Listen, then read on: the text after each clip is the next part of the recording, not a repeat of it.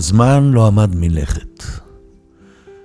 בליל שלישי, התחלת רביעי, באמצע הלילה, התעוררתי כשאני רכוב על הכורסה של אבא שלי, האהוב, שאהב uh, לשבת עליה בימי ההצבעות, כמו שהוא כינה את זה. ואז uh, קמתי כבד וחצי ישן מהכורסה, הבחנתי שהיה שעה שלוש לפנות בוקר, לפי שעון החורף החדש. כשגיששתי דרכי לרחוץ פנים באמבטיה, ראיתי בטלוויזיה אנשים קופצים באוויר. זה לא, זה לא היה אימון כושר באמצע הלילה בחדר הכושר והאושר, זו הייתה הפגנת שמחה מסיבית לשמחים. ובאשר לעצובים, נו טוב, עליהם נדבר בפעם אחרת. כתבתי כבר פעם שזה לא חוכמה להיות עצוב. אז צחצחתי את שיניי ונרדמתי שוב.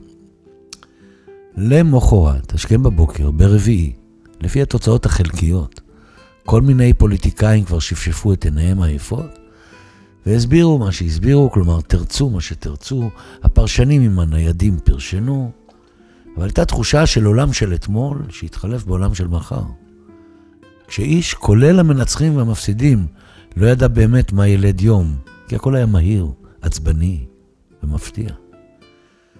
ואז נזכרתי בעניין זה בסיפור שהוא כמו משל בחיי, ושהתרחש לפני עשרות שנים. הסכיתו, כלומר, הקשיבו. אם עוד יש לכם כוח להקשיב אחרי מה שעברנו השבוע.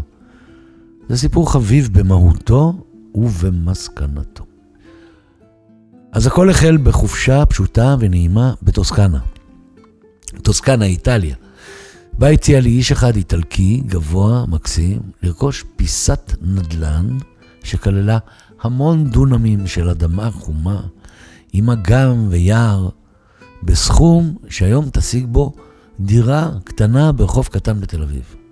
באמת. התארחנו אז אצל המציע לחופשה קצרה בת שבוע במכמני טוסקנה. הערב ירד על פיסת הנדלן כמו שערב יורד בכל מקום, אבל שם, בניגוד לפה, שחזירים ותנים כבר ממלאים את הרחובות שלנו בהמוניהם, מיליוני פסיונים עליזים מילאו את האזור בשקשוקי כנפיים. ואני הבטתי בנצנוצי הגחליליות והאורות של הכפר שנראה לא רחוק משם, ושמו היה מונטנו דרביה. ואז לרגע, למרות הפסטורליה הזאת, פתאום התגנבה עליי גם תחושה מטרידה, שאלוהים אדירים, מה אני? שלמה בן יצחק, שגדלתי על נאות הדשא של ישראל. מה אני אעשה בחושך האיטלקי הזה אחר כך, אם אגור פה נניח אפילו לדקה? מי יהיה חבר שלי? איך אני אחיה כשבחיים לא אדע לאיזה כיוון פונים כשמחפשים מצומת סיינה פירנצה את צומת שוני וקיסריה? כמובן הבית של הילדים, הנכדים, כולל ביתו של אלעדיק, חברי הטוב. ככה הבנתי שעם כל הכבוד לאגם וליער, ונוכח העובדה שממילא אני חש זרות כמעט בכל מקום, בוודאי שלא בא לי על הקנייה הזאת. זהו. אחר כך עברו שנים, כי ככה זה תמיד, השנים הרי עוברות ביעף. ויום אחד באתי לבקר שוב באזור היפה הזה, וגיליתי, למרבה הפלא, שדבר לא השתנה בו. פסיונים, אולי כבר דור הבנים שלהם, חגו באיטיות מעל האגם והיער. האיטלקים דיברו איטלקית, buongiorno, papa, mamma, פיצה, מיצה. החושך היה אותו חושך, וכמו קודם, לא היה לי שם שום חבר. ורק אז, במרחק הזמן, הבנתי שבעצם לא הפסדתי כלום, כשלא קניתי כלום. נקודה, full stop. ולמה הדבר דומה? בעיקר לתחושה שרק הזמן יגיד תמיד, אם הפסדת משהו כשהחלטת להחליט. תגידו, המשל טוב? לא יודע. אבל זה סיפור טוב, תחשבו על זה. אגם ויער במחיר דירונת בתל אביב. לפני שבוע ביקרתי ביקור חבוז בהיכל מנורה ביד אליהו כדי לבדוק התכנות של הופעה שם. כן. הזמרים הצעירים מופיעים שם מזמן. בת אייס טיקטו קיסריה, שהמצאנו כאמפי להופעות, וואו, ב-1985. אבל זה לא הנושא, מה שאני רוצה לספר זה שתוך כדי הסיור בהיכל, פרצו במפתיע לפרקט שחקני קבוצת מכבי תל אביב לאימון קליעות, משהו כזה. ונוכח הגובה האימתני שלהם נהייתי בשנייה ננס מארץ הננסים. אולי מלבד הרגע שבו המאמן עודד קטש ניגש וחיבק אותי, ואני מעריך אותו מאוד על כנותו הנדירה. ובאמת לרגע, הוא נראה יחסית בגובה שלי. אבל באמת יחסית, כי עודד, אני חותם על זה שהוא עובר מטר תשעים בקלות. ואני רק הולך ומצטמצם, כלומר, אם הייתי פעם מטר שבעים ושתיים על סנדלים תנ"כיות, אז במשך הזמן, כמו מפלגה כושלת, עפו לי שניים, שלושה מנדטים לפחות, מהגובה ומאזור אחוז החסימות. תראו, מעבר לכל מה שעברנו, גם שעון החורף רץ פה כבר שבוע מלא מלא. ובלב הרעיון הזה עומדת השאלה, איך לא להיכנס ממנו לדיכאון אוטומטי בשעה חמש וחצי אחר הצהריים, כשהשמש כבר שוקעת מוקדם על העולם. ומצד שני, איך זה לקום ולרוץ מוקדם בפארק, כי נוספה לנו שעה. ושעה אצל בני אדם תמימים, זאת עוד מתנה קטנה בחיים. אבל עכשיו, בערך תשע בבוקר, מה שהיה לפני שבוע עשר, יום רביעי, כשאני כותב את הטור הזה שיודפס הלילה, הנחתי על הצלחת קופסת טונה, גבינת סקי, כמה זיתים לארוחת הבוקר, גם שום אגב, ותהיתי לאור התוצאות החלקיות לפחות, אבל הברורות, מי היה ה-MVP של האירוע שהתרחש לנגד עינינו המשתאות? האם האישה שהתרוצצה הכי הרבה על המגרש בלי לקלוע סל אחד, או הגבר המבוגר שרצה את זה שוב? ואנחנו, כמובן, תקראו לנו עם. כי בסוף הכל מסביב המשיך. הילדים הלכו לבית הספר, הפקקים התפוקקו, שוב היה פיגוע. הציפורים חיפשו מחסה מפני הגשם. שעונה של העיר ומכסחי הפחים נשמע בכל מקום. החיים נמשכו לגמרי. הזמן לא עמד מלכת, כי לזמן יש פרינציפים. הוא יגיד תמיד בסוף את דברו. אז הזמן הזה לא פסח גם על סטיוארט. על סטיוארט. הזמר הבריטי שאהבתי פעם מאוד בגלל שירו שנת החתול. The year of the cat. זוכרים? אל סטוארט יופיע פה ב-8 בנובמבר, כשהוא כבר בן 77. וואו, איזה כיף שהוא שרד את הזמן. אבל האם אלך להופעה? נראה, לא יודע. מה שכן, כשהלכנו אחרי ההצבעה לאכול שווארמה רמת גנית, כבדה, נוזלת, טחינה ונפלאה, נו, פשוט כדי להירגע. תמיד כשאני יוצא, אני לא בטוח שהצבעתי נכון. אמרתי לה, את יודעת שאל סטוארט מגיע להופיע בארץ? מי זה אל סטוארט בכלל? שאלה. והזמן רעד. בסדר, בסדר. אי אפשר לדעת הכל. כלומר, מי זה אל ומי זה סטוארט? מי זה מה זה ומי זה זהו זה? מה שכן, במוצ"ש, כלומר מחר, אנחנו מסיימים את הקיץ העמוס שלנו בהופעה בשוני. השאלה מה זה עושה לי, טרטרה לי כל השבוע בשכל וברגש. ובכן, אני שמח שעוד אפשר לשיר יחד. כן. כי לשיר יחד זה בעיניי כמו לקבל בשמחה אורח שבא אליך, להשתכן בביתך, אבל בכיף, למרות השוני שבשוני.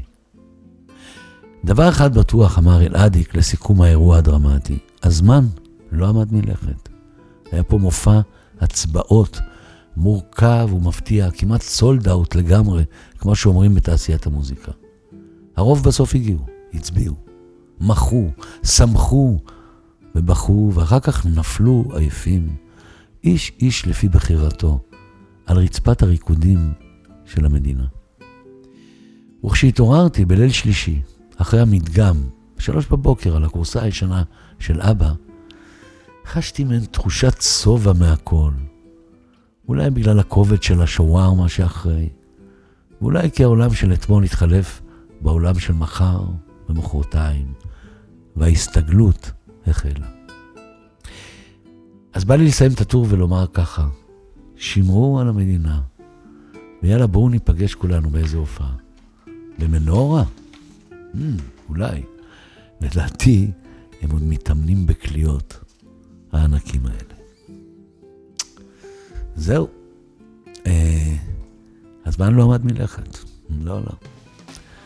והזמן יגיד. אה, שבת שלום לכולם, שתהיה לכם בריאות טובה, ימים טובים, ושוב שבת שלום, שלמה ארצי. ועכשיו זה הזמן לדעת כבר מה צפוי לנו מהשמיים האם את יודעת למה התכוונה זאת שאמרה שהחוכמה היא כמו מים.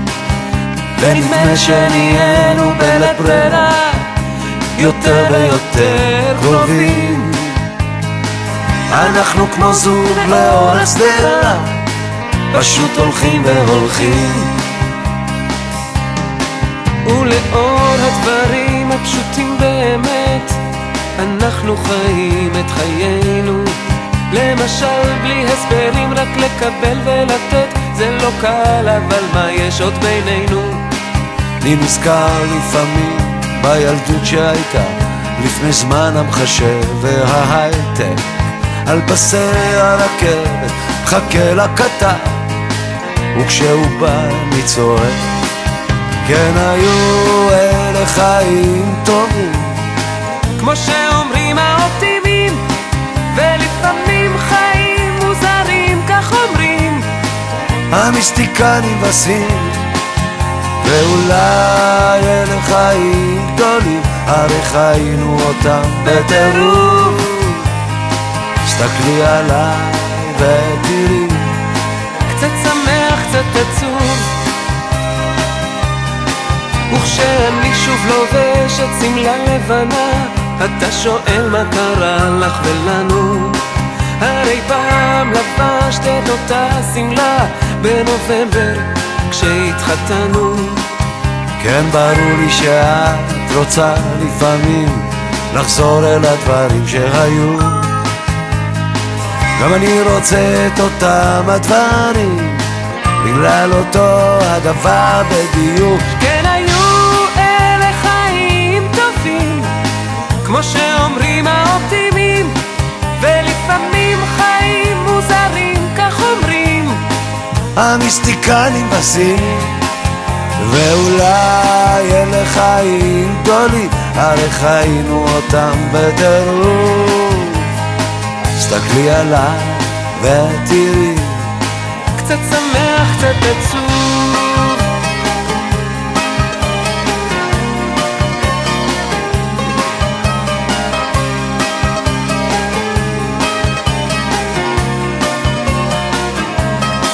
ועכשיו אל תדבר, רק תבוא אליי, בשקט בשקט בחדר. כמו שני חברים שעבדו בחלל שימי לב כבר אמצע נובמבר שוב נופלים העלים, זה הזמן השקט, מה צפוי לנו מחר לא נדע. אני עוטף אותך בחום ורוקד ומעביר לנו הודעה כן היו אלה חיים טובים כמו שאומרים האופטימים ולפעמים חיים מוזרים כך אומרים המיסטיקנים הסינים ואולי אלה חיים גדולים הרי חיינו אותם בטירוף. תסתכלי עלינו ותראי. קצת שמח, קצת עצוב. חיים טובים כמו שאומרים האופטימים. ולפעמים חיים מוזרים כך אמרו לי המיסטיקנים הסינים. ואולי אלה חיים גדולים הרי חיינו אותם בטירוף. תסתכלי עלינו ותראי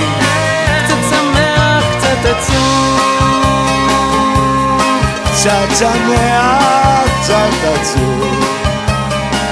קצת שמח, קצת עצוב.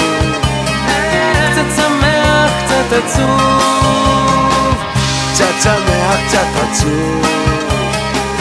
קצת שמח, קצת עצוב. קצת שמח, קצת עצוב. קצת שמח, קצת עצוב.